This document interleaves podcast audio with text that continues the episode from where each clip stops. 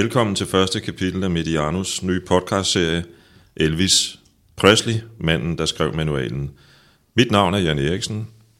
Jeg har lavet musikjournalistik de sidste 37 år. Har blandt andet været redaktør på GAFA og senere hen på ungdomsmagasinet Chili, så har jeg været journalist og redaktør på BT. Rimelig sent i mit liv er Elvis blevet en af mine helt store passioner. Øh, jeg har selvfølgelig kendt og fulgt musikken siden min tidligste drengeår, og senere hen øh, har jeg fulgt ham som fænomen, både som altså personligt og som øh, journalist, musikjournalist. Øh, der skulle først en opsamlingsboks, øh, Artist of the Century, som udkom i 1999 til, før jeg for alvor fandt ind i den øh, mere sjælfulde del af Elvis musik, og senere hen kom til at dyrke ham øh, som fan. Øh, gospeldelen af Elvis. Senere hen har jeg øh, i 2016 og et års tid frem arbejdet meget grundigt med noget research til en bog om Elvis, og har i den anledning været i Memphis to gange for at øh, tale med mennesker, der har lært, eller der har kendt Elvis, og måske arbejdet sammen med ham også tidligere. Jeg har besøgt en masse Elvis locations i Memphis. Øhm, I første afsnit skal vi tale om den formative del af Elvis liv, fra hans øh, fødsel i 1935, øh, til han på egen regning indspiller sin første single i 1953. Med i studiet har jeg forfatter og foredragsholder Stig Ulriksen, der blandt meget andet er en af Danmarks mest vidne, når det gælder Elvis Presley. Ligesom jeg, så har Stig også mødt flere mennesker, der har kendt Elvis og arbejdet sammen med ham. Øhm, og velkommen til dig, Stig. Tak skal du have, Jan. Vi kommer senere i det næste afsnit af Elvis Presley-manden, der skrev manualen til at tale om dit øh, eget forhold til musikken, Elvis' musik. I første omgang, så lad mig høre lidt om nogle af de mennesker, de spændende mennesker, du har mødt, øh, som har kendt og arbejdet sammen med Elvis. Jeg har været så heldig, at jeg har mødt ja, så godt som alle omkring Elvis, mere eller mindre. Jeg kan sige, at de få, jeg ikke har mødt, det er hans mor Gladys, hans far Vernon, og så hans onkel Wester, og så nogle af tanterne. Ellers har jeg været heldig at møde rigtig mange, øh, både familiemedlemmer, kærester, øh, kone, øh, musikere, bodyguards, venner fra skoletiden af, og så fremdeles. En af de mest spændende, jeg lige har mødt for ikke så lang tid siden, det er Linda Thompson, som var Elvis' kæreste igennem fire år, sådan on-off nærmest, fordi han havde jo andre kvinder ved siden af, sådan var han jo. Og hun var jo en fantastisk øh, dame øh, at snakke med, utrolig charmerende. Hun er skyldig i at få masser af komplimenter i dag fra kvinder alle mulige steder. Så er du nysgerrig også, Jan. Men det har ikke så meget med historien at gøre. Og hun er i hvert fald... også. hun er stadigvæk, hun ser utrolig godt ud stadigvæk. Og hun fortalte mig faktisk en lille anekdote omkring Elvis, øh, som jo egentlig gik hen og dannede mude. Og øh, Elvis fortalte selv hende, at øh, grunden til, at han havde sin skjort hængt op omkring nakken, som alle begyndte at gå med, og i det taget det her med det høje bagved. Ved du, hvorfor han gjorde det? Nej, det er ikke. Det er der mange, der ikke er klar over. Det er fordi, da han var en lille dreng, så hans mor og far, de nussede ham altid nakken, og sagde, at han havde sådan en dejlig lille kyllingenakke. Og det var Elvis lidt flov over, så derfor trak han den op, således at øh, man skjul, eller han skjulte nakken på den måde. Nu ved vi, at Elvis ikke var dum i nakken, men øh, skjulte sin kylling i nakken. Det var det. Og i øvrigt Linda vender vi jo tilbage til i det sidste afsnit af Elvis Presley, manden der skrev manualen. Så ja. kan du øse videre af dine mange anekdoter om Linda og deres kæresteforhold. Øhm, man kan spørge sig selv, hvorfor beskæftige sig med Elvis Presley i 2018? Et par pinpoints fra min side. Øh, da Elvis pladeselskab RCA, eller RCA, som jeg foretrækker at kalde det på dansk, udsendte øh, en sådan gospel opsamlingsplade, Where No One Stands Alone tidligere i år, der røg den direkte ind på den øh, 9. på 9. pladsen på den engelske hitliste. Det siger noget om en vis popularitet. Elvis-dokumentaren The Searcher, som er produceret af Priscilla Presley og John Landau, som mest er kendt som Bruce Springsteens øh, manager, havde premiere i april. Den er solgt til øh, over 100 lande i dag og har blandt andet været vist på DR og kan ses på DR.dk, eller kun i hvert fald i en periode. Øhm, og så skal jeg lige nævne, at i november overrakte selveste den amerikanske præsident Donald Trump The Presidential Medal of Freedom posthum til Elvis. Inden vi begynder for alvor, så synes jeg, at vi skal høre et af de tidligste Elvis Presley-numre, nemlig Jailhouse Rock. Og hvorfor tror du netop, at jeg gerne vil høre det, Stig? Ja, det er nok fordi, at hans far Vernon havde øh, den tvivlsomme fornøjelse af at tilbringe lidt tid i fængsel, da Elvis ham var knægt.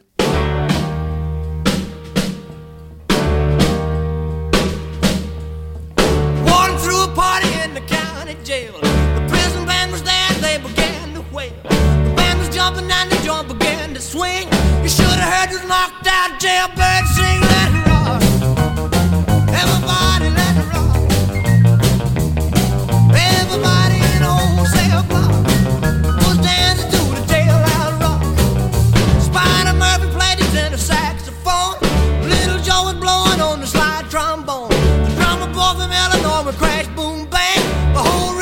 Rhythm section was a purple gang. Let's rock. Everybody, let's rock. Everybody in old cell block was dancing to the jailhouse rock. Så er vi i fuld gang med at rocke. Jeg vender tilbage til min gæst Stig Ulriksen om et øjeblik, men først øh, vil jeg lige sige et par ord om præmissen for denne podcast. I det næste afsnit, nummer to, kommer vi til at tale om Elvis' betydning for integration mellem hvid og sort i 50'ernes USA. Øhm, jeg kalder podcasten Elvis Presley, manden der skrev manualen, og øh, ingen kan vel forklare baggrunden for den titel bedre end øh, Elvis mangeårige ven og samarbejdspartner Jerry Schilling, som han lærte at kende, da Jerry var en lille dreng. Øhm, Jerry var til stede, da Elvis fik overragt øh, den her øh, posthume medalje fra Donald Trump, og han siger til Billboard, alt hvad Elvis gik igennem med manualen for unge kunstnere i dag. Du skal være individualist, men du skal også elske det, du beskæftiger dig med. Det var hårdest for Elvis, for han var pioneren. Men uden ham havde der ikke været punkbands. Jeg ser stadig de unge kunstnere kæmpe, og det er vidunderligt. Der er stadig mange barriere, der skal brydes ned. Men det er lige præcis, hvad kunst bør handle om. At løfte os op fra dagligdagens fordomme, krige og konflikter. Stig, lad os høre lidt om Elvis baggrund i Tupelo. Ja, for det første så voksede han jo op i den østlige del af Tupelo, og det var vel nok en af de hårdeste byer faktisk i ja, hele USA. Det var hårdt både på kriminalitet, øh, for eksempel bare det område, han boede i, der var hele ni bootlegger, altså der lavede ulovlig spiritus, som de sendte rundt. Så det var et hårdt område, og det var et område, hvor han boede, hvor de sorte, de boede lige next door nærmest øh, til, hvor han selv opholdt sig. Det var også en hård barndom, hvis vi skal snakke lidt omkring den, for øh, han havde ikke rod et sted. Heldigvis var det selvfølgelig på et par gader op og et par gader ned, at de sådan flyttede rundt her i Øst Tupelo, fordi hans far Vøneren, han mistede sit arbejde ret ofte. Han var kendt som en lidt doven mand. Han var en smuk mand, flot mand, men han havde at lave mere end højst nødvendigt. Det fandt arbejdsgiverne hurtigt ud af, og så var han arbejdsløs igen. Ja. Vernon og, og Gladys mødte hinanden i øh, Pinsekirken, i, som på det tidspunkt holdt sine gudstjenester i et telt uden for Tupelo, eller i hvert fald i udkanten af Tupelo.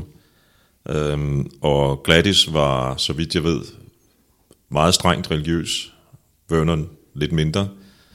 Øh, men, men de tog jo den her lille søn med i, øh, i kirke så ofte som muligt, øh, allerede som baby faktisk. Øh, kan du ikke sige lidt om, øh, hvad gospelmusikken, som de hørte i den kirke, kom til at betyde for Elvis? Jo, men jeg vil gerne lige først fortælle en lille sjov anekdote Meget omkring gerne. deres møde. For faktisk så er det jo sådan, at øh, Vernon og Gladys var ikke dem, der datede hinanden først. Han datede faktisk hendes søster Cleet øh, til at starte med, og Vester, som er Vernons bror, han datede Gladys. Og øh, på et tidspunkt finder de jo altså ud af, at øh, Vester passer bedre med Klit, og Vernon passer bedre med Gladys. Og så stak de af og blev gift. Øh, Vernon han måtte lyve sig fem år ældre end han var. Han var nemlig mindreårig. Han var kun 17 år gammel, da de blev gift. Men han lyver sig altså fem år ældre for at blive gift med hende.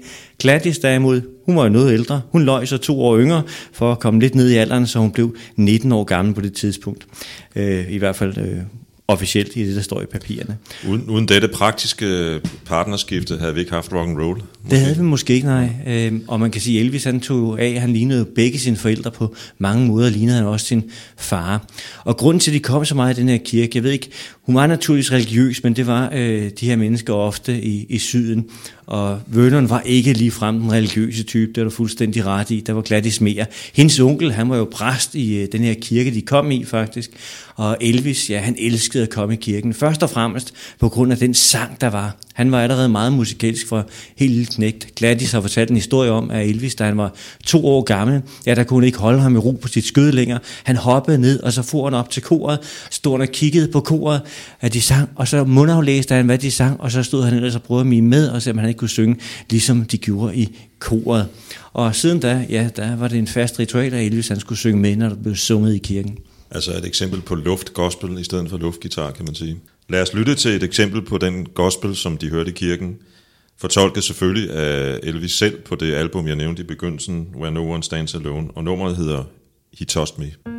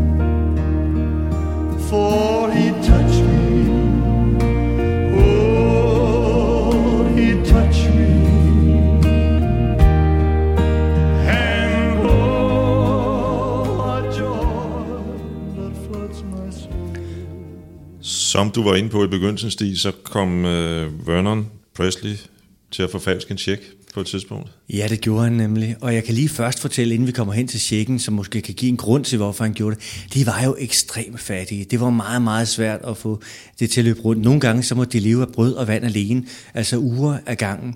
De var meget, meget fattige. Vernon havde som sagt svært ved at holde fast på et arbejde, og det betød, at de skulle flytte tit, så røg de ned i nogle af de her sociale boligbyggerier. Når han fik et arbejde, tjente lidt penge i de tre måneder, han gjorde det, ja, så skulle de flytte, for der måtte de ikke bo længere, fordi nu tjente han for mange penge, så blev han fyret, og så måtte de flytte tilbage. Det var sådan barndommen var. Det var nok også derfor, at gospelmusikken kom til at spille så stor en rolle for Elvis. Ikke alene i kirken, men faktisk også derhjemme. Ja, der sang han sammen med sin mor og far gospelmusik meget ofte bag hjemmets fire væg.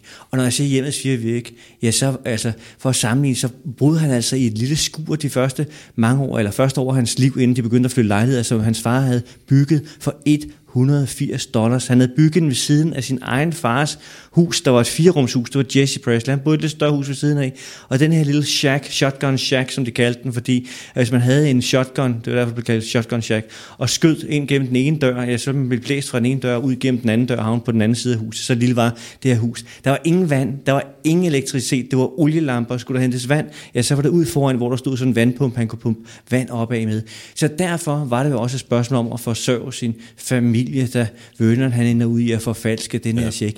Men det er også fordi, at han føler sig en lille smule snydt af Orville her, som øh, var hans arbejdsgiver. Han havde nemlig solgt ham en årne, og han følte egentlig ikke, at han havde fået de penge, som han skulle have for den og for sit arbejde. Og sammen med Travis og en anden mand her, der hedder Lita Gable, ja, der øh, besluttede de sig altså for at forfalske checken. Ja. Orville ville så gerne lige lave et eksempel, så alle de andre arbejdere også kunne forstå, at det her det gjorde man ikke ustraffet. Og derfor blev de meldt til politiet, hentet og sat i den lokale brumme. Og vil du fortælle lidt, Jan? Øhm, jeg vil i hvert fald lige komme omkring den her med, at, at øh, han oprindeligt fik en dom på tre år, men det blev så kun til ni måneder. Ja, otte måneder faktisk. Otte ikke? måneder. På det tidspunkt var det en, en, en betragtelig større forbrydelse at forfalske en check end at skyde sin nabo i, i uh, depressionens USA. Men lad os tale lidt om... Wall Street var krakket i 29, ja, så der er ikke noget at til det. Lad os tale lidt om, hvad, hvad fængselsopholdet betød for forholdet mellem Gladys og Elvis, fordi som vi kommer ind på senere, så er det jo afgørende for den personlighed og kunstner, som Elvis bliver til senere. Altså for det første, så tager det hårdt på Elvis, at hans far kommer i fængsel. Det er der slet ingen tvivl om. Det har han også selv omtalt senere hen i sit liv og i sin karriere, når han har begrundet sin far, fordi hans far kunne virke hård, men som Elvis sagde til dem, også i interviews, det kan godt være, at han virker hård, men han er blevet indvendig, og når I tænker på, hvad min far han har været igennem, derfor har han brug for det. De glemte det aldrig nogensinde. Men det betød også, at Elvis måske knyttede sig endnu mere til sin mor. Det var han allerede i forvejen, inden faren røg i spillet. Vernon var lidt af en outsider på den måde, men en outsider, der ville passe på sin familie. Men moren og Elvis, de talte babysprog sammen, og det blev de ved med at gøre igennem hele livet. Hun behandlede ham som hans, hendes lille baby, altid. Og det vil sige, Elvis fik ikke lov til at gå ind til sin kammerat. Han fik ikke lov til at gå med ned til åen, uden at mor Gladys hun var med. Så meget passede hun på ham. Senere hen, da han begynder at gå i skole, jamen hun lader ham ikke gå afsted i skole lige. Nej, nej. Hun følger ham i skole hver eneste dag, for at være sikker på, at han kommer sikkert derhen, men også sikkert hjem. Der måtte ikke ske en lille dreng noget. Når han leger med sine fædre og kusiner, som jo også boede i området, ja, så har de fortalt mig, at, øh, at hvis de var lidt for overhændet, eller nogle gange Elvis, han behøvede bare at råbe af en enkelt gang, for Gladys, hun stod altid inde i vinduet og holdt øje med dem, og når hun kunne se, at der var et eller andet, der gjorde ondt, så, ja, så for hun ud og skældte det stakkels barn, hedder jeg fra, der var skyld i, at hendes lille Elvis-dreng han var kommet galt afsted. Der var ingen, der måtte røre hans tallerkener, når han sad og spiste mad ved bordet. Elvis' tallerken, selvom han ikke sad og spiste, måtte ingen af de andre fædre og kusiner bruge, eller, eller ikke hans gaffel, eller hans skeer, eller hans glas. Det var Elvis' for havde de først brugt det, ja, så fik de aldrig nogensinde lov til, eller så ville Elvis aldrig nogensinde bruge det igen. På ligesom Elvis- hans tegneseriebøger. På Elvis' øh, 11-års fødselsdag i 46 tager hun ham i hånden, og så går de hen til en forretning, som stadigvæk findes, der hedder Tupelo Hardware. Der har du garanteret været. Nej. Fordi det har alle øh, Elvis-turister, der har lagt vejen omkring Tupelo. Og køber øh, sammen med ham en guitar. Ja, men det var ikke det, der var tanken fra start af. Der findes mange historier omkring det. Der findes de officielle historier, og så findes der selvfølgelig de historier, som man kan få fortalt. Faktisk, øh, ja, så var meningen, at han skulle have haft sig en cykel, og Vernon havde faktisk stoppet med at ryge i hele tre måneder. Han var altså en stor ryger, skal jeg lige hilse at sige. Han havde stoppet med at ryge i tre måneder for at sikre sig, at knægten kunne få den her cykel. Men da de så kommer ind i Tubler Hardware Store, Gladys og Elvis, det var lige efter den her store storm, det er derfor, man kan sige helt præcis, at øh, der havde sådan en mindre orkan, at man kan sige helt præcis, at det var den dag til hans 11-års fødselsdag, at han kom ind og fik den her. Ja, så får Elvis jo øje på noget, han meget hellere vil have, og han siger, mor, mor, kan jeg ikke få en og så får han 22 kalibers rifle i stedet for. For den synes han så langt mere spændende ud, så kunne han jo rende rundt og skyde lidt. Han havde dog været på jagt med sin far, som øh, Elvis han kunne ikke tåle at se dyr blive skudt, så det var altså ikke dyr, han ville skyde. Det ville han ikke have noget med at gøre. Men mor Gladys, hun kunne sagtens se i øjnene, at han kunne komme til at skyde sig selv, eller skyde nogle andre i værste fald. Så han skulle da ikke have nogen rifle, og hun kigger sig rundt, og hun får øje på gitaren, og siger, Elvis, er det ikke meget bedre, at du fik sådan en guitar i stedet for en riffel? Og cyklen var allerede kommet i baggrunden på det tidspunkt. Og Elvis han gik med til det sidst, for han var jo kendt som den her nynnende dreng, der har naboerne fortalt. Han gik altid rundt og nynnede eller sang på en sang. Så kan onkel Travis, altså Gladys bror, øh, lære dig at spille på den. Og sådan blev det. Sådan blev det, og Elvis kommer til at optræde med sin guitar øh, på, et, øh, på sådan en talentkonkurrence, der bliver afholdt hvert år i Tupelo i forbindelse med et kæmpestort marked og Tivoli. Øh, og der synger han en på det tidspunkt relativt ny sentimental slager ved navn Old Shep. Ja, og jeg skal lige skynde mig at sige her, for han spillede nemlig ikke på gitaren. Han lavede den uden akkompagnement, for han var 10 år gammel. Det var året inden han fik sin Det var guitar. året nemlig. før, okay. Året før han lavede ja. den her Old Ship her. Ja. Så han stod faktisk og sang den. Og ifølge rygter, ja, så var det faktisk Mississippi Slim, der egentlig akkompagnerede ham øh, bagved, men øh, den er lidt tvivlsom. Skal vi ikke holde os til det, vi er nogenlunde sikre på her? Sangen handler om en, øh, en lille dreng, der mister sin forhund, og er en, en, en, en sådan temmelig, øh, temmelig sentimental ting. Vi kommer til at høre den om, øh, om ikke så lang tid øh, i Elvis' egen version.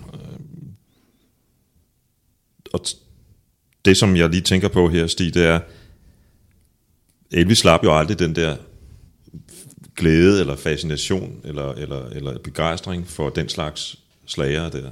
Han elskede ballader. I det hele taget elskede Elvis mange forskellige former for musik. Han sugede til sig af musik alle mulige steder. Øh, specielt her, øh, som vi skal ind på senere, når han kommer til Memphis. Men øh, han elskede ballader, og det kan vi også høre i 70'erne, hvor han indspiller den ene store balladesang efter den anden. Lad os prøve at høre Elvis' egen øh, senere version af Old Shep, og bagefter hører vi en, øh, et eksempel på, hvor han senere hen kommer til at forene gospel og ballade i en sang, som den øh, faste mediano-lytter formentlig vil forbinde med en bestemt stor europæisk fodboldklub. Og må jeg lige tilføje, inden vi hører sangen, at faktisk gentager han den her sang som 16-årig, da han er kommet til, øh, til Memphis, hvor der er en konkurrence her på Humes High School, og der synger han også den her Old Ship en gang til, og der bruger han gitaren, du talte om.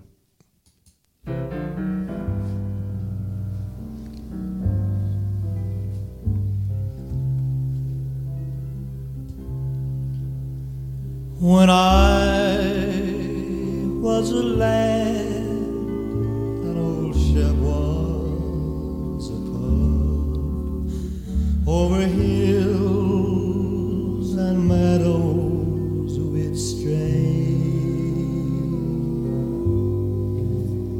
Just a boy and his dog, we were both full of fun. We grew up together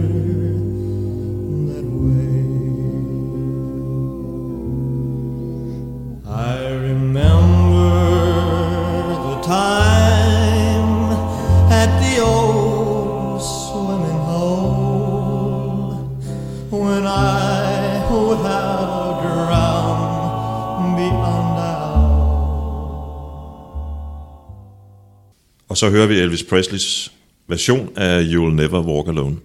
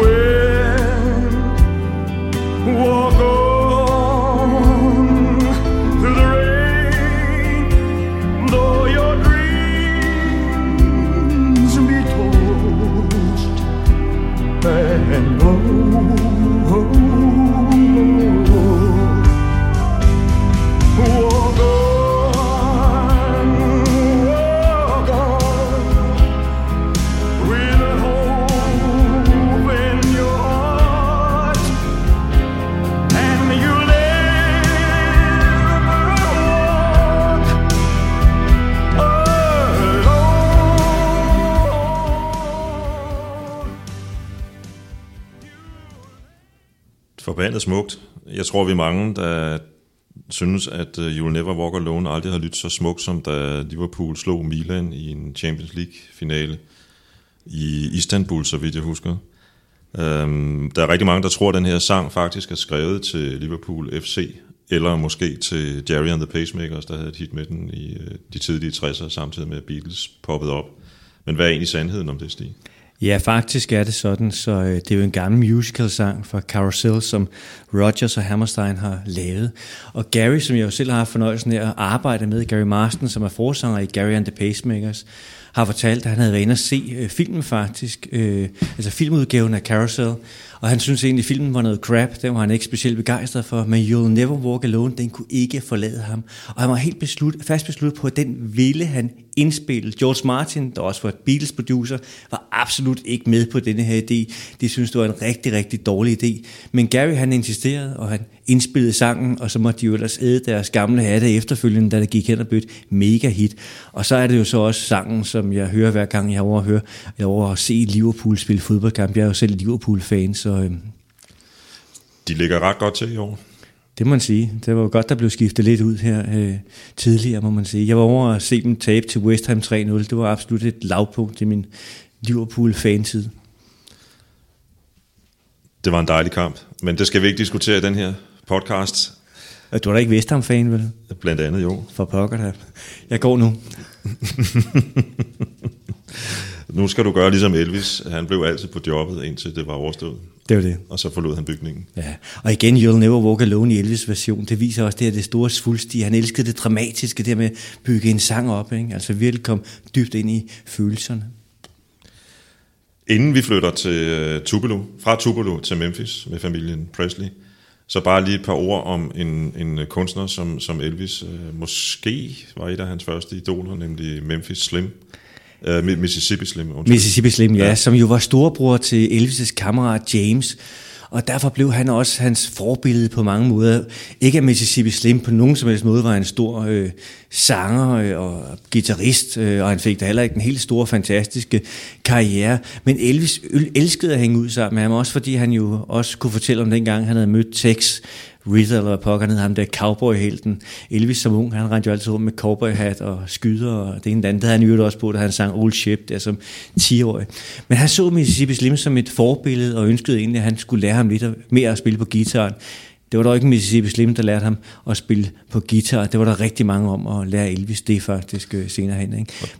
Men det, øh, det var James, som øh, han hang ud med. Kunstneren, performeren Elvis bliver for alvor skabt efter at familien er flyttet fra Tupelo til Memphis i 48. Øhm, på det tidspunkt øh, har Vernon den her drøm om at måske kunne finde nogle lidt mere faste og lidt bedre lønnede jobs i Memphis, end han har været i stand til at Eller også så var der ikke flere arbejdsgiver tilbage i Tupelo, der ville ansætte ham. Det er en valid forklaring. Men øh, han arbejdede jo i Memphis under krigen jo, og øh, det kunne være derfor, han valgte at vende tilbage dertil, fordi øh, Memphis var jo en større by, og der var langt større muligheder. Og det var en meget typisk ting, at de her fattige hvide, de valgte at emigrere til de større byer. Der var en meget rejsende dengang. Naboerne, øh, som jeg har fornøjelsen af at møde i Tupelo, som kunne huske det, sagde, at det var ikke usædvanligt, at de egentlig flyttede. Det var der rigtig mange af de her hvide, der gjorde. De flyttede hele tiden for at se, om de kunne få et bedre liv et andet sted.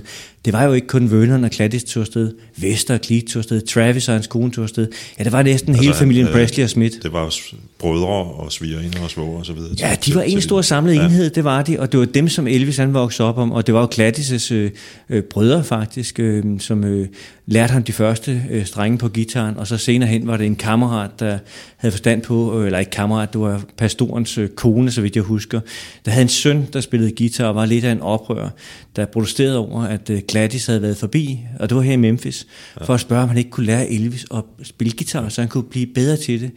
Og han sagde først nej, men øh, han kunne ikke få sig selv til at sige nej til sin mor. Han var lidt bange for, at Elvis skulle komme til at og, hvad hedder det, plamere sig over for ham, og det også kom galt afsted. I 49 flytter de til et, øh, et boligkompleks, der hedder Lauderdale Courts. Øh, hvis vi lige skal hive et lille historisk perspektiv ind bare to sekunder, så er det et af USA's allerførste sociale boligbyggerier. Det var en del af FDR, altså Franklin Roosevelts store New Deal plan at bygge nogle øh, sociale byggerier efter europæisk model i forskellige øh, amerikanske byer, hvor nøden var allerstørst. Øh, og, og, og det sted kommer til at få en betydning for udviklingen af performeren Elvis Presley. Kan du fortælle lidt om det? For det er også her, at ham her, gitarristen, kommer ind i billedet, der lærer mig at spille. For det første har han fortalt, at Elvis' strenge, de var så mega hårde på den her guitar, han kom med hans første guitar. Han det er stadigvæk den samme, som han fik. Ja, ja, og så han måtte simpelthen først lade ham spille på sin, fordi hans egen, det var simpelthen umuligt at få slået en ordentlig lyd af, så Elvis fik lov til at øve sig på hans guitar faktisk, når de var sammen. Og Lauderdale Courts, er den store forandring for familien Presley. Det er første gang nogensinde, de kan tage sig et brusebad, altså tage sig et bad, og det er ren luksus for dem at komme hen i den her. Men det er også et miljø, hvor der er så meget musik. Han behøver bare lige gå ud på vejen, ja, så kan han faktisk stå og lytte til musik, både med hvide og sorte kunstnere. Han, han, han er blandt de der tusinder af Elvis-anekdoter, der findes. Der er noget med, at han står og udvikler sin stemmes lyd i en kælderskagt, eller et eller andet i den retning. Ikke? Ja, det er rigtigt, og kun når det var mørkt, fordi han ville ikke have nogen sur.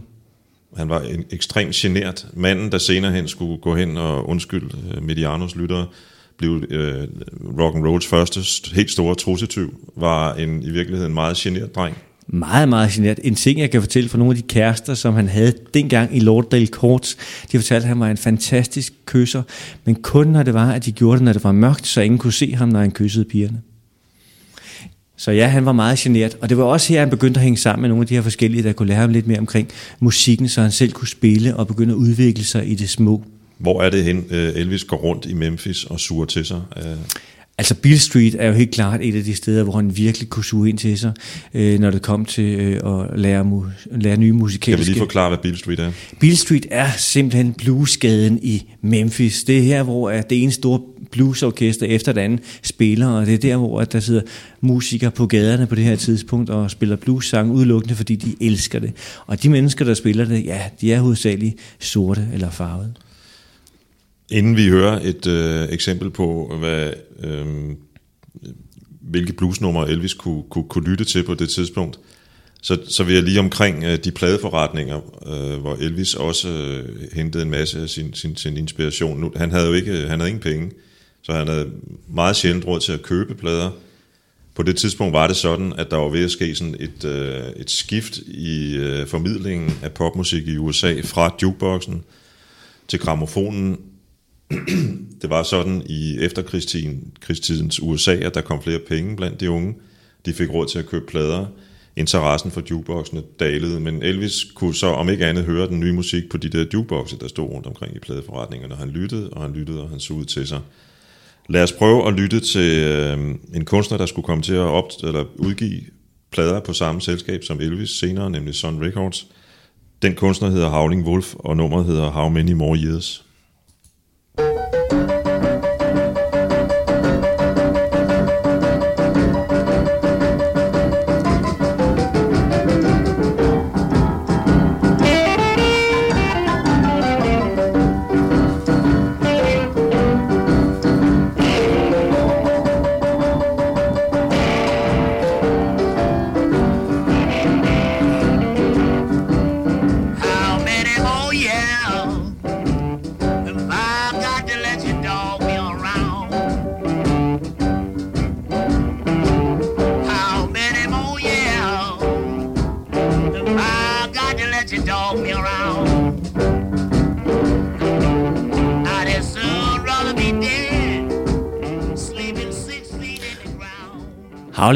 Var jo netop en af dem, som Elvis hørte i radioen. Vi kommer i et senere øh, program ind på Dewey Phillips, DJ'en, som blandt andet spillede øh, Howling Wolf, der kom fra Sun Studio, du sagde indledningsvis. Og radioen spillede en stor rolle i den måde, som Elvis han egentlig hævde musik indenbords i. Det var her, han sad og lyttede sammen med sine forældre om aftenen. Det var også her, han hørte Grand Ole Opry og fik interessen for countrymusik.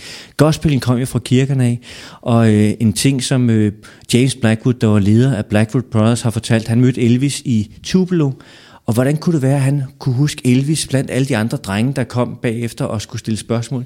Ja, det kunne han, fordi Elvis han var en ualmindelig høflig dreng, men en meget intelligent dreng. Han stillede så meget intelligente spørgsmål til musikken, så James han virkelig skulle tænke sig godt om nogle gange. Og han spurgte også James, jamen, øh, det her med, at jeg ikke kan læse noder, er det et handicap for mig fremover? Og James han kunne så berolige ham, at det ville det absolut ikke være. Så han fandt mange inspira- inspirationskilder. Blackwood Brothers var en, en uh, gospel-kvartet, en hvid gospel-kvartet, der havde kæmpe succes i, uh, i, i USA, i, i, i, især det sydlige USA i, i 50'erne. Og både Elvis og hans mor Gladys var meget store fans af, af den kvartet. Det var det. Øhm, lad os prøve at, øh, inden vi lige kommer til et af Elvis mange, en af, en af Elvis' mange bluesindspilninger, der er over 30, hvis man kigger på hele kataloget. Så lige en lille anekdote fra, fra, øhm, fra, fra Beale Street, hvor, hvor øh, den senere blues konge, B.B. King, jo også optrådte allerede, da, da, da Elvis var, var en stor dreng, eller, eller teenager.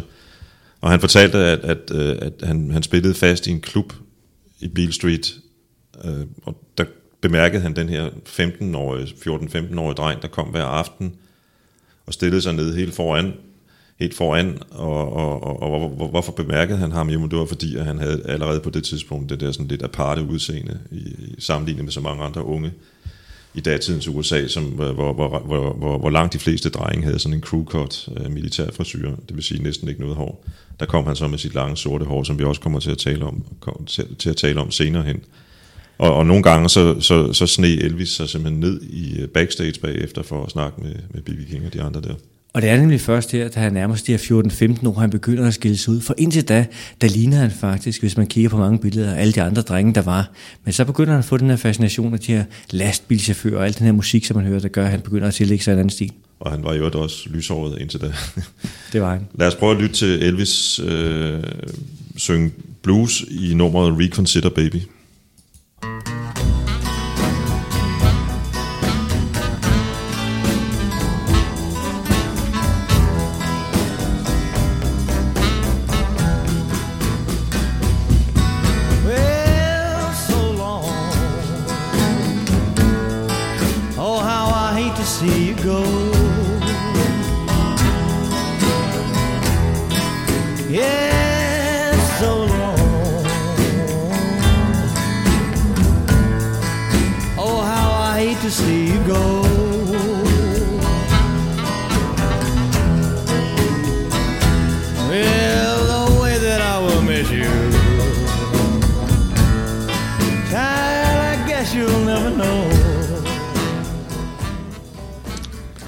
Den sang vil ikke have en jordisk chance i et playlisteudvalg på hvilken som helst dansk radiostation i dag. Der er hele to øh, saxofonsoloer i den. Det er lidt usædvanligt.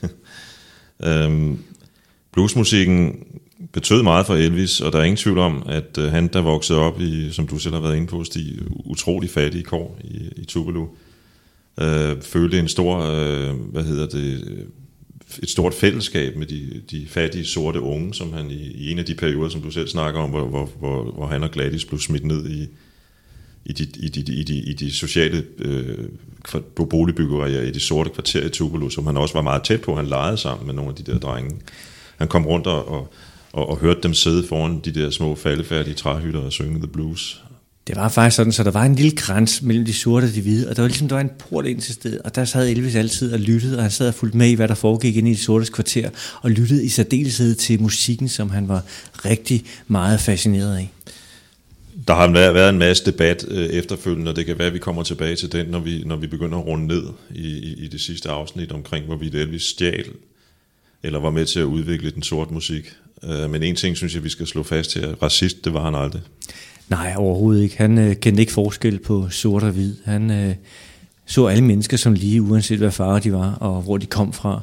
Og han er vokset op under meget øh, venlige kår, takket ved hans mor, men også hans far i særdeleshed. En af de sidste interviews, som Vernon han giver, altså hans far, i 1978, der kommenterer han det her med, at øh, mange kaldte dem for the white trash, altså i særdeleshed de engelske bøger. Og Vernon sagde, jamen, White trash, det var vi aldrig. Vi var fattige, vi havde kun sten af vejen. Men vi var altid åbne og tog altid gerne andre ind. Hvis vi kun havde et stykke brød og et glas vand, så delte vi det gerne med andre, der kom ind. Vi talte aldrig nogensinde ned om andre, eller talte dårligt om andre, og vi så os helt aldrig nogensinde som værende bedre end andre, uanset hvem pokker det var. Og sådan var Elvis vokset op. Uanset hvem pokker du var, og uanset hvad du var, jamen så var vi alle sammen lige gode. Og han har altså været på bunden, og han blev mobbet meget som dreng her i, gennem hans barndomsår. Der var rigtig mange, der var hårde ved ham. En, en, en, øh, vi, vi, vi kommer til at snakke i fjerde afsnit også omkring Elvis øh, velgørenhed og gavmildhed. Det gør vi i alle de her afsnit, fordi det er en meget vigtig del af karakteren Elvis. Øh, men, men jeg vil godt have lyst til at fortælle en lille, øh, lille anekdote, som fører frem til, at, at, at du så kan tale lidt om, hvor Elvis øh, fandt sin, sin inspiration til hans tøjstil og sit image, nemlig en frisør, der arbejdede i et stormagasin i, øh, i Memphis, hvor, hvor Gladys plejede at komme og få lavet sit hår, eller ordnet sit hår. Og, og en dag, Elvis kunne godt lige rende rundt i det der store magasin og kigge på alt det fine. En dag popper han op i, i den der lille frisørforretning, og frisøren siger, øhm, hvorfor ser jeg ikke din mor mere? Så må Elvis jo flov og med røde kinder sige, jamen det er fordi, vi har ikke råd lige for øjeblikket. Så siger han, øh, frisøren, jamen så sig til din mor, hun skal komme, så finder vi ud af det. Den frisør øh, forærede Elvis senere hen, da han fik råd til det, både et hus og, og en bil, og, og, og, og aflagde ham tit et besøg i ren taknemmelighed over det, han havde gjort for hans mor, på det, eller for sin mor på det tidspunkt der. Øhm, lad os tale lidt om øh, og Elvis og tøjet. Ja, igen øh, var det jo øh, tøj øh, fra Lansky Brothers, som mange af de sorte artister havde på, når de optrådte hernede i Bill Street. Men det var også noget, han hørte igen og igen, at Dewey Phillips, der jo også selv fik leveret lidt tøj fra Lansky Brothers. I han, hans radioshow, der var han altid god til at sige, husk nu at tage ned forbi Lansky Brothers. Så det gjorde Elvis. Dewey Phillips var en, han lyttede meget til i radioen, og han skyndte sig selvfølgelig derned den dag, hvor han havde råd nok til at købe sig en pink skjorte for eksempel, eller et par sorte bukser med en pink strip ned igennem. Og han elskede, fra han blev lidt ældre her i teenageårene, og skilte sig lidt ud fra mængden af, selvom han stadigvæk var genert. Og Lansky Brothers, det var stedet, hvor man kunne skille sig ud. Man kan sige, at han belønnede dem senere hen, da han gik hen og blev kendt, så kom han jo nærmest og købte hele butikken mere eller mindre, og andre gange så var han med et par biler oven i købet, når han var inde og handle. Jeg kunne godt tænke mig lige her et øjeblik at dvæle ved, øh, ved det udtryk, øh, som senere hen skulle blive gjort kendt, vist nok af Rolling Stones. Sex, drugs and rock and roll. Øhm, og lidt ved, den, øh, ved det oprør, den rebelskhed, man forbinder med, med rockmusikken, som jo på det her tidspunkt endnu er i sin vorden. Øhm, fordi historien om det der med oprøret og, og sex and drugs and rock and roll har også ligesom så meget andet sin rod i det, der skete i Memphis i perioden omkring hans øh, Elvis gennembrud i 54. Øhm, de der bluesmusikere var sjældent øh, Guds bedste børn.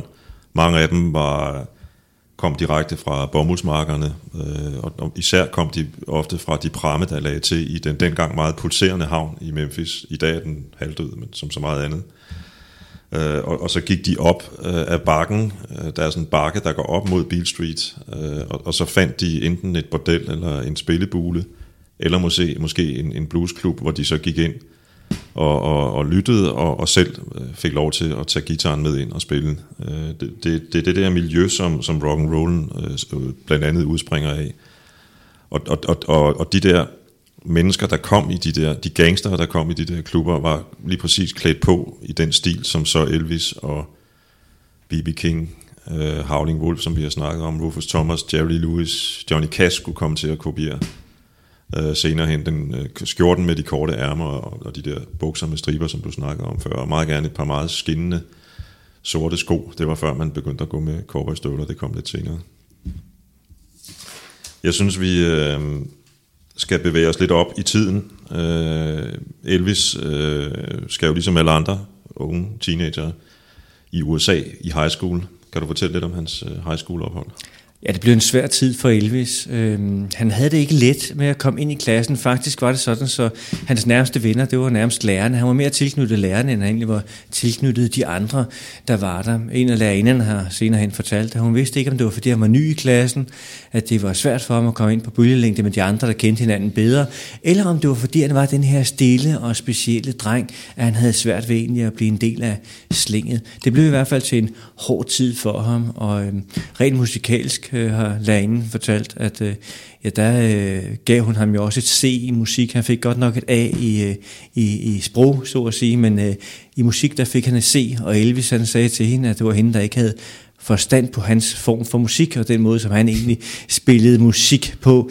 Og efter en lille diskussion blev de så enige om, at øh, han måtte tage gitaren med i skolen den efterfølgende dag, og så, øh, og så viste. Og han spillede sangen, og de andre elever, de kunne faktisk godt lide, hvad der var, han spillede, men derinde gav ham ret i, at hun var absolut ikke, hun brød sig ikke om hans måde at spille musik på. Inden vi kommer til et nummer, som Elvis kommer til at optræde med på, på high school, eller i, i den der Humes High School, så kunne jeg egentlig godt tænke mig lige ganske kort at snakke lidt om det med Elvis og pigerne. Vi var inde på det før.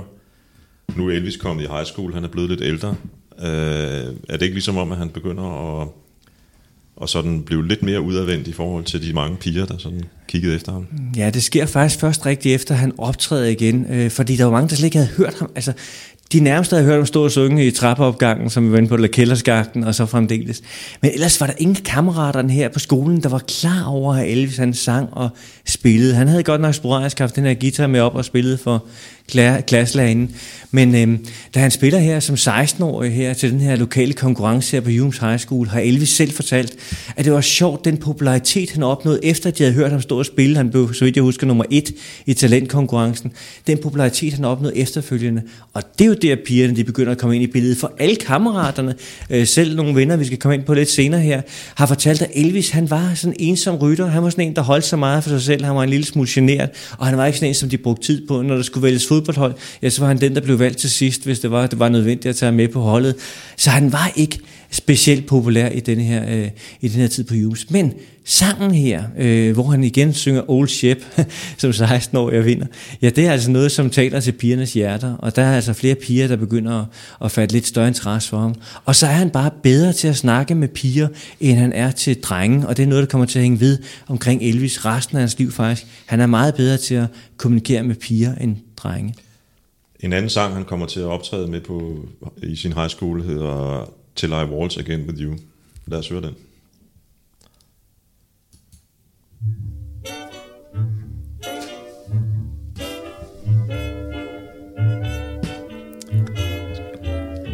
till I was again with you.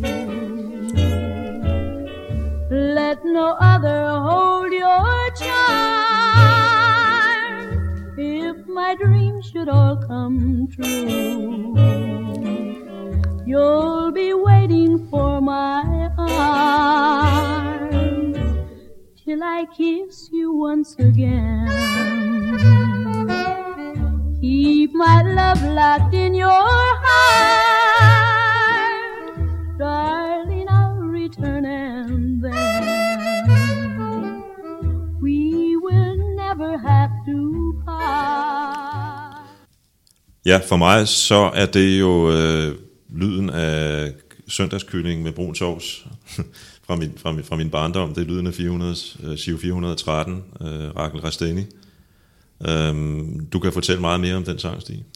Jeg ved ikke, om jeg kan fortælle meget mere omkring den her sang her, som Teresa Priver hun øh, indspiller tidligere. Men Elvis, han elskede at lytte til alle typer musik, som jeg fortalte før. Han lyttede i radioen, og det, der var fantastisk med Elvis, det var, at sangene sad fast. Han kunne huske rytme, melodi og tekster udenad. Han havde en klippejern uden lige de her år. Og det betød jo, at han kunne sætte sig ned i kort tid efter, og så kunne han begynde at sidde og blimre på sin guitar, og så synge den nøjagtigt, som han havde hørt den i radioen. I, øh, på Hume's Eyes øh, i high school lærer han nogle, et par, par fyre at kende, som han faktisk øh, opnår et livslangt venskab med. Øh, den ene hedder Red West, eller hed Red West, han er desværre afgået ved døden nu, den anden George Klein.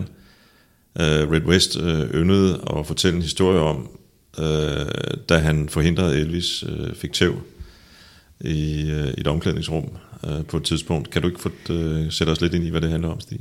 Jo, altså Elvis han havde fået lidt mere mod til sig, øh, efter han havde sunget de her sange og blev en lille smule mere populær. Han begyndte at tro lidt mere på sig selv, end øh, selvtid han ikke altid havde haft. Og det betød faktisk, at han øh, kastede sig ud i noget, der han altid havde drømt om, men ikke rigtig havde tur, nemlig at spille fodbold.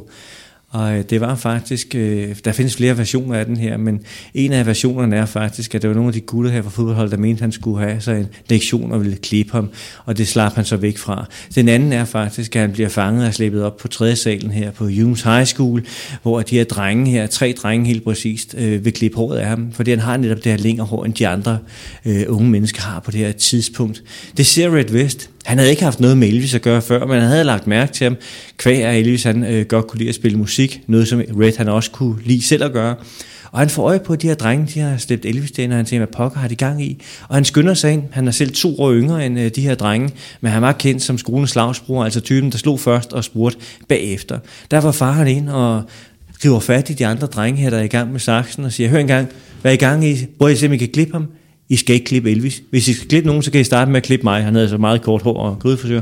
Og det må vi så se, hvor godt I slipper afsted med det. Og der var ingen af de her tre drenge, selvom de var to år ældre, en Red var, der havde lyst til at prøve den af med ham, så derfor læste de lige så pænt og stille og roligt afsted igen. Det betyder, at Red West han begynder at tilbringe at se lidt mere til Elvis. Ikke at de på det her tidspunkt er helt tætte venner. Det kommer faktisk først lidt senere, hvor de rigtig begynder at hænge ud sammen, og det er efter, han har indspillet en anden sang, øh, der hedder noget med That's So Right, Mama. Så der skulle gå lidt tid, men de begynder altså at se hinanden, og George Klein og Red West er nogle af de mennesker, som Elvis han får et tilhørsforhold til her på Humes High School, fordi han havde altså ikke særlig mange venner her på Humes High, som han har en lille smule mere med at gøre. Øh. Der er en forskel øh, på hans venskab med den ene og med den anden, nemlig at, øh, at Red West senere hen skulle komme til at blive en slags, øh, hvad kan man sige, hjørnesten i det, man kalder The Memphis Mafia, som var en gruppe mennesker, som var, var hvad skal man sige, tilknyttet Elvis på forskellige måder. de fleste af dem fik en løn af ham, øh, andre var egentlig bare sådan tilknyttet sådan løst som venner, ikke? Øh, man kan vel et eller andet sted sige, at, at Red West er den, at sådan set den grundstenen til, til, til den der senere øh, Memphis Mafia. Ja, det er han jo, fordi at da Elvis han øh, får indspillet den første sang, som vi skal komme ind på i et senere program, ja, der er, han, er Red West, han løber ind i ham med en tilfældighed, og Elvis fortæller ham lidt om, at nu skal han ud og spille lidt, og Red, om han havde lyst til at køre med ham i bilen. Han kunne være chauffør, han kunne være alt muligt, man hjælpe til. Og der starter deres venskab, og det er ligesom ham, der er grundstenen omkring Elvis. Alle de andre kommer først til senere hen, så hans fætter Sonny West, han øh, bliver en del af det også senere hen, men Red West, ja, han er begyndelsen på det her med at have folk omkring Elvis. Nogen, der kan støtte ham lidt og hjælpe ham lidt undervejs, når der er et eller andet. Og også en anden, som han kan spille pingpong med og snakke med. Og det ender Red West ud at være igennem hele Elvis' liv. Være den, som han får de ærlige svar fra, og som han, øh, som han måske også har respekt for, mere end nogen som helst andre. Indtil allersidst, men det vender vi tilbage til senere, fordi der bliver de, ikke, der bliver de, der bliver sker de uvenner. uh, sig lidt om George Klein også, eller fortæl lidt om George Klein også. Jamen George Klein, han var jo også vildt interesseret i musik, og det vi i dag bedst kender ham for, det var nok, at han øh, er en populær kendt DJ i Memphis-området. Dengang, der elskede han også at hænge ud omkring Elvis, øh, og være en del af det her slæng, der kunne tage med Elvis ud. Og han havde jo som sagt mødt Elvis, inden han får sin første store succes. Men venskabet starter først, da Elvis, han, altså det rigtige venskab, som jeg kalder venskab, starter først, da Elvis har udgivet That's Alright Mama. Inden da, ja, der er det nogen, der mødes lidt, og George, han synes også, at Elvis er en lidt speciel fyr, altså han har hans lange hår, han skiller sig i det hele taget lidt ud fra mængden af noget, som George egentlig finder ret fascinerende også øh, på det her tidspunkt.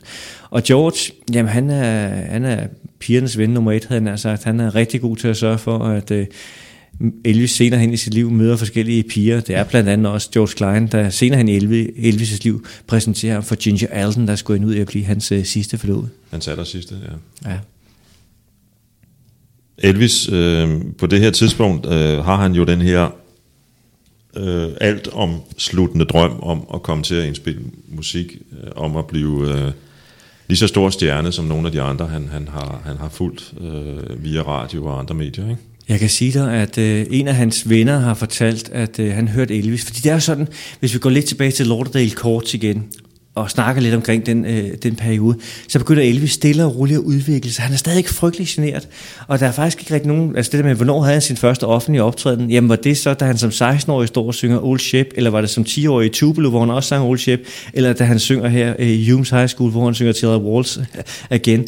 Hvornår er den første optræden? Fordi Elvis, han er generet, og han er ikke meget begejstret for det her store søgelys, altså i de unge for han føler faktisk ikke selv, at han kan synge.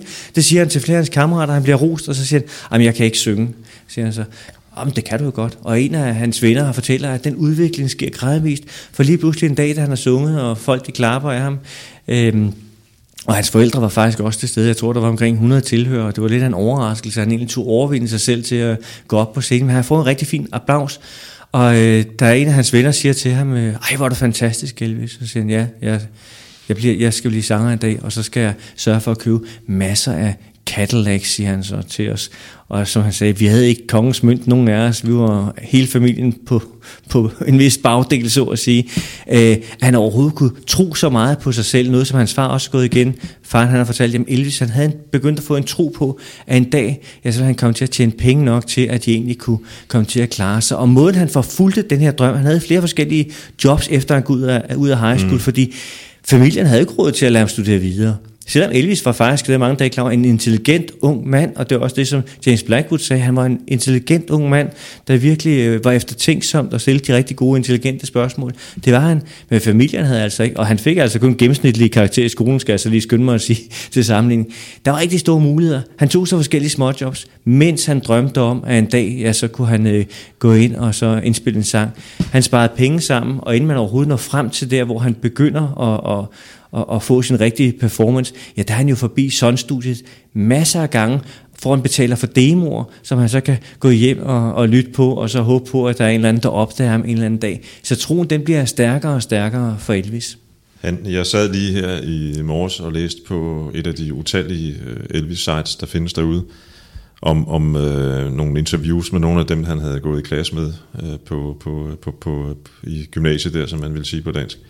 Og øh, en af dem fortalte, at han, han på et tidspunkt var han blevet så, øh, lad os bare sige, træt af at høre på Elvis snakke om sine drømme. Vel, øh, skal vi lige huske igen og gentage, hvad du sagde tidligere. I virkeligheden var han bedre til at snakke med pigerne om det. Det var ligesom om, han måske også fandt sådan lidt mere sympati og, og, og genklang hos dem, end hos de andre drenge, der måske hellere ville snakke om weekendens fodboldresultater, eller hvad ved jeg, fordi det er sådan nogle ting, der aldrig forandrer sig. Vi skal Men også ham- tænke på tiden dengang. Altså, det var en hård tid. Altså, hvis man var en dreng, så var man en hård rod. Og det der musik, nogle af de kammer boss, og nogle af de andre, han løb sammen med dengang, som jo ikke var musikalske, ja, der var musikken lidt uhørt, at man spillede musik. Det er jo noget tøs at gøre nærmest, ikke? Ja, ja. Altså, drengen, de gik ud og spillede hård fodbold, ikke? Og hvis der var mulighed for at få sig et lille rask slagsmål, så var de også med på den, ikke? Så derfor følte han sig måske knap så godt tilpas. Ikke, at han havde noget imod at tage en lille slåskamp, men han var en mere følsom gemyt. Og den her dreng, jeg snakkede om før, han gav ham til sidst 4 dollars. og sagde, nu går du ud og indspiller den der plade. Om der er en direkte sammenhæng, som den pågældende mand påstår, mellem at Elvis så tager ud og indspiller My Happiness øh, i sådan studiet, som bliver hans første selvfinansierede single, det aner jeg ikke. Øh, lad os lige snakke lidt om det der med My Happiness. Jamen, My Happiness er jo hans første sang, og da han kommer ind til Marion Kreisker og fortæller, at han, han havde taget pænt tøj på den Brian dag. Kreisker, det er assistenten, øh, Sam Phillips assistent. Det er hans sekretær eller assistent, sekretær. ja, som sidder derude i et lille forkontor her i Sun-studiet. En lille, lille bord og en lille stol herinde, man kan komme ind i selve Sun. Der sidder hun ude, og hun kigger lidt op på den her mand, og, uh, unge mand, og siger, øh, Nå, hvad kan jeg gøre for dig? Og han siger, jamen, jeg vil gerne indspille en sang til min mor. Og hun synes, der er lidt specielt ved drengen, øh, fordi han har en pink skjort på, erindrede hun senere hen, og et par sorte bukser med en pink stribe ned igennem, og så har han det her lange hår. Det var ganske usædvanligt for unge mænd på, på det her tidspunkt i hvert fald. Og Elvis forklarer, at det er en øh, fødselsdagsgave til hans mor. Og det synes hun jo er ualmindeligt sødt. Sikkert er en sød ung mand, der går ind og indspiller en sang til sin mor. Og Elvis går ind og håber faktisk på, at Sam Phillips, der sidder inde bag mixerpulten, vil få øjnene op for hans store talenter og vil signe ham right away med det samme. Men øh, det gør Sam Phillips ikke. Han dukker faktisk dårligt nok op. Han hører kun hans stemme igennem øh, speakeren faktisk, hvor han siger ja tak, da han er færdig med at de to sange. Der var også en B-side på. Øh, og så lister Elvis hjem med den her hvad hedder det, acetate, eller hvad man kalder det, de der små, man fik trykt dengang, eller singleplade, lad os nu bare kalde det det. Mm. Acetate hedder det, acetate. Og øh, der går et stykke tid, og det er egentlig for lige at forklare historien omkring, øh, som har været brugt i alle medier om, at det var en sang til hans mor, for det var det ikke. Fordi da han en dag sidder sammen med en øh, skolekammerat, et Leak hedder skolekammeraten, øh, og Ed han hører den her øh, sang, så siger han, hvor er det fantastisk, Elvis, hvor synger du fantastisk, og tænk sig, at du går ind og indspillet sådan et album, altså wow, wow, wow. Elvis er på det her tidspunkt, ifølge Ed i hvert fald, temmelig skuffet over, at... Øh, han har endnu ikke hørt fra Sam Phillips. Hans karriere lader vente på sig. Så han siger til et, ved du at hvis du kan lide den, så må du gerne få lov til at tage den med hjem. Hvis jeg nogensinde får brug for den igen, så skal jeg nok give besked. Og det gør et. Han tager den med hjem, og så går årene. Elvis han giver aldrig nogensinde besked om, at han egentlig har brug for den. Og nu skal vi frem til konklusionen på, hvorfor at der ikke var en gave til hans mor. Han kunne jo ikke give en, øh, en singleplade væk til en kammerat, hvis det havde været en gave til hans mor. Det giver jo selvfølgelig ingen mening. Og et Leak, han oplever at Elvis jo går hen og dør, og så kommer vi frem til 80'erne, hvor Ed han begynder at tænke lidt på sin pension, og han tænker, gad vide, om jeg ikke kan sælge denne her til mm, Sony Music BMG, om de ikke kunne være interesseret i den. Han tager kontakt til dem og forklarer, at det er Elvis' allerførste indspilling. Og hvad siger de så herinde på BMG? De siger, ha, den må du længere ud på landet med. Hvis det der er Elvis, nej, nej, nej, det kan du godt klemme alt om, den er vi ikke interesseret i. Så er gode råd dyre. Hvad skal han gøre? Han ved jo godt, det er Elvis. Han har jo selv fået den af ham. Hvem vil tro på ham?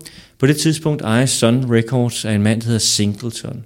Han kontakter Singleton og spørger ham, om øhm, han har mulighed for at komme forbi og spille den her, som er Elvis' allerførste plade, og Singleton siger, jo, naturligvis, kom du bare forbi.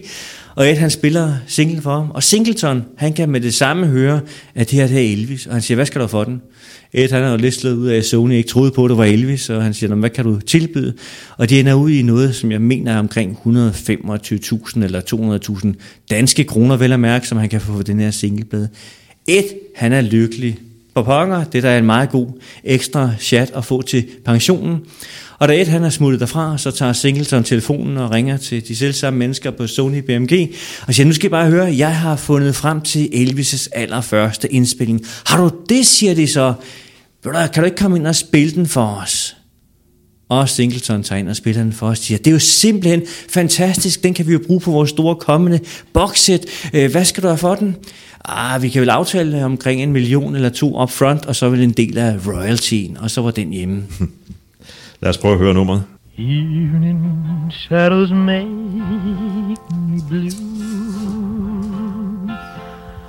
when each weary day is through. How I long to be with you, my happiness. Every day I reminisce,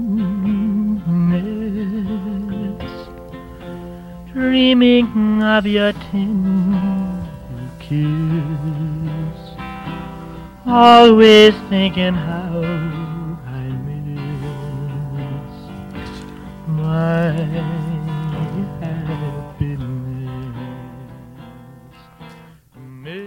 En, en af de ting, man, man, man, eller i hvert fald jeg især bemærker, når jeg hører det nummer, det er den måde, han synger det på. Fordi det, han lyder jo anderledes, end han skulle komme til at lyde senere hen.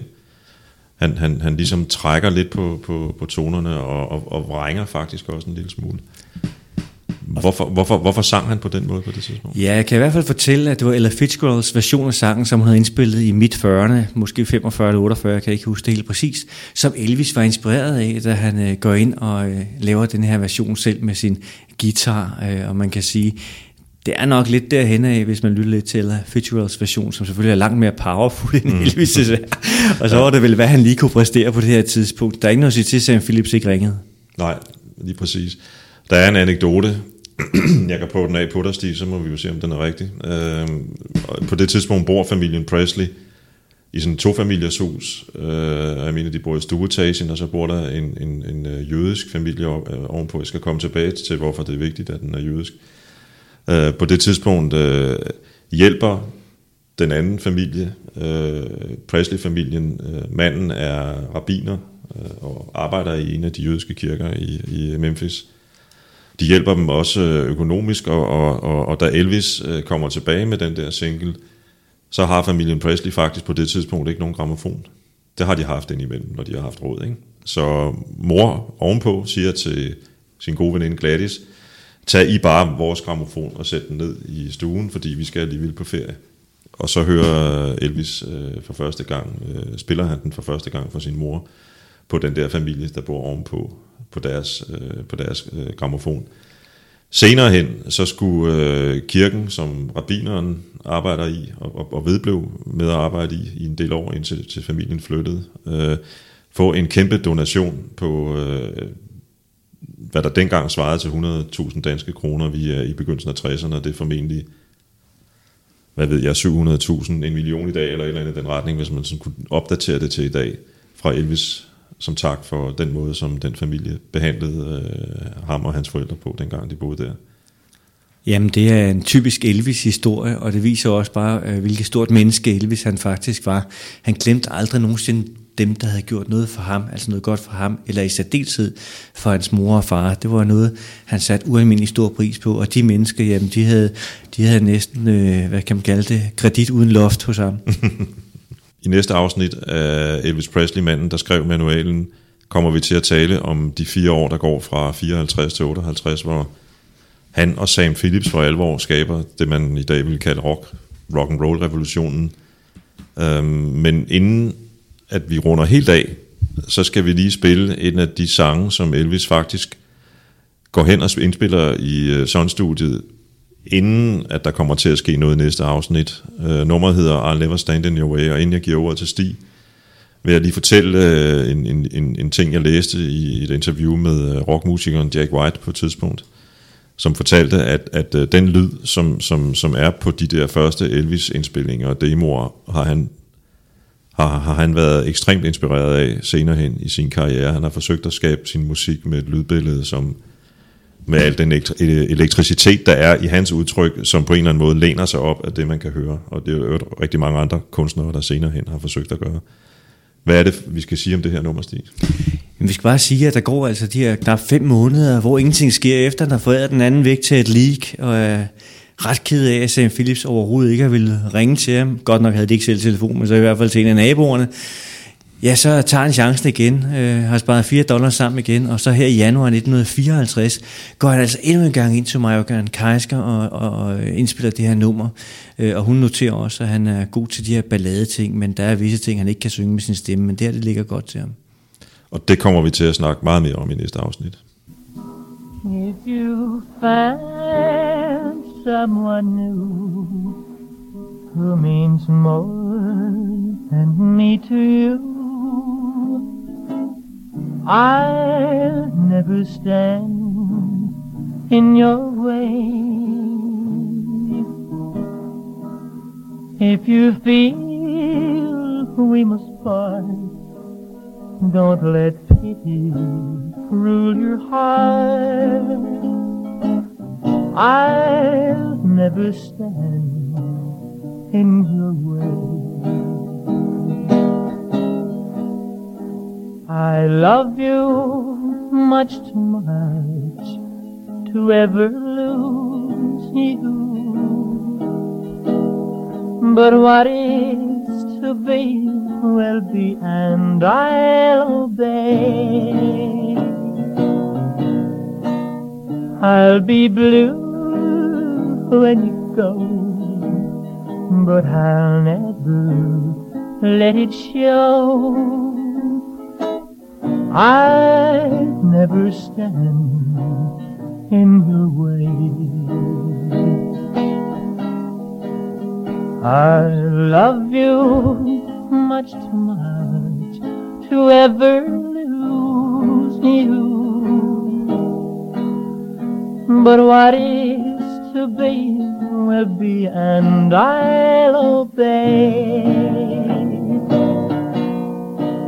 I'll be blue when you go, but I'll never let it show. I'll never stand in your way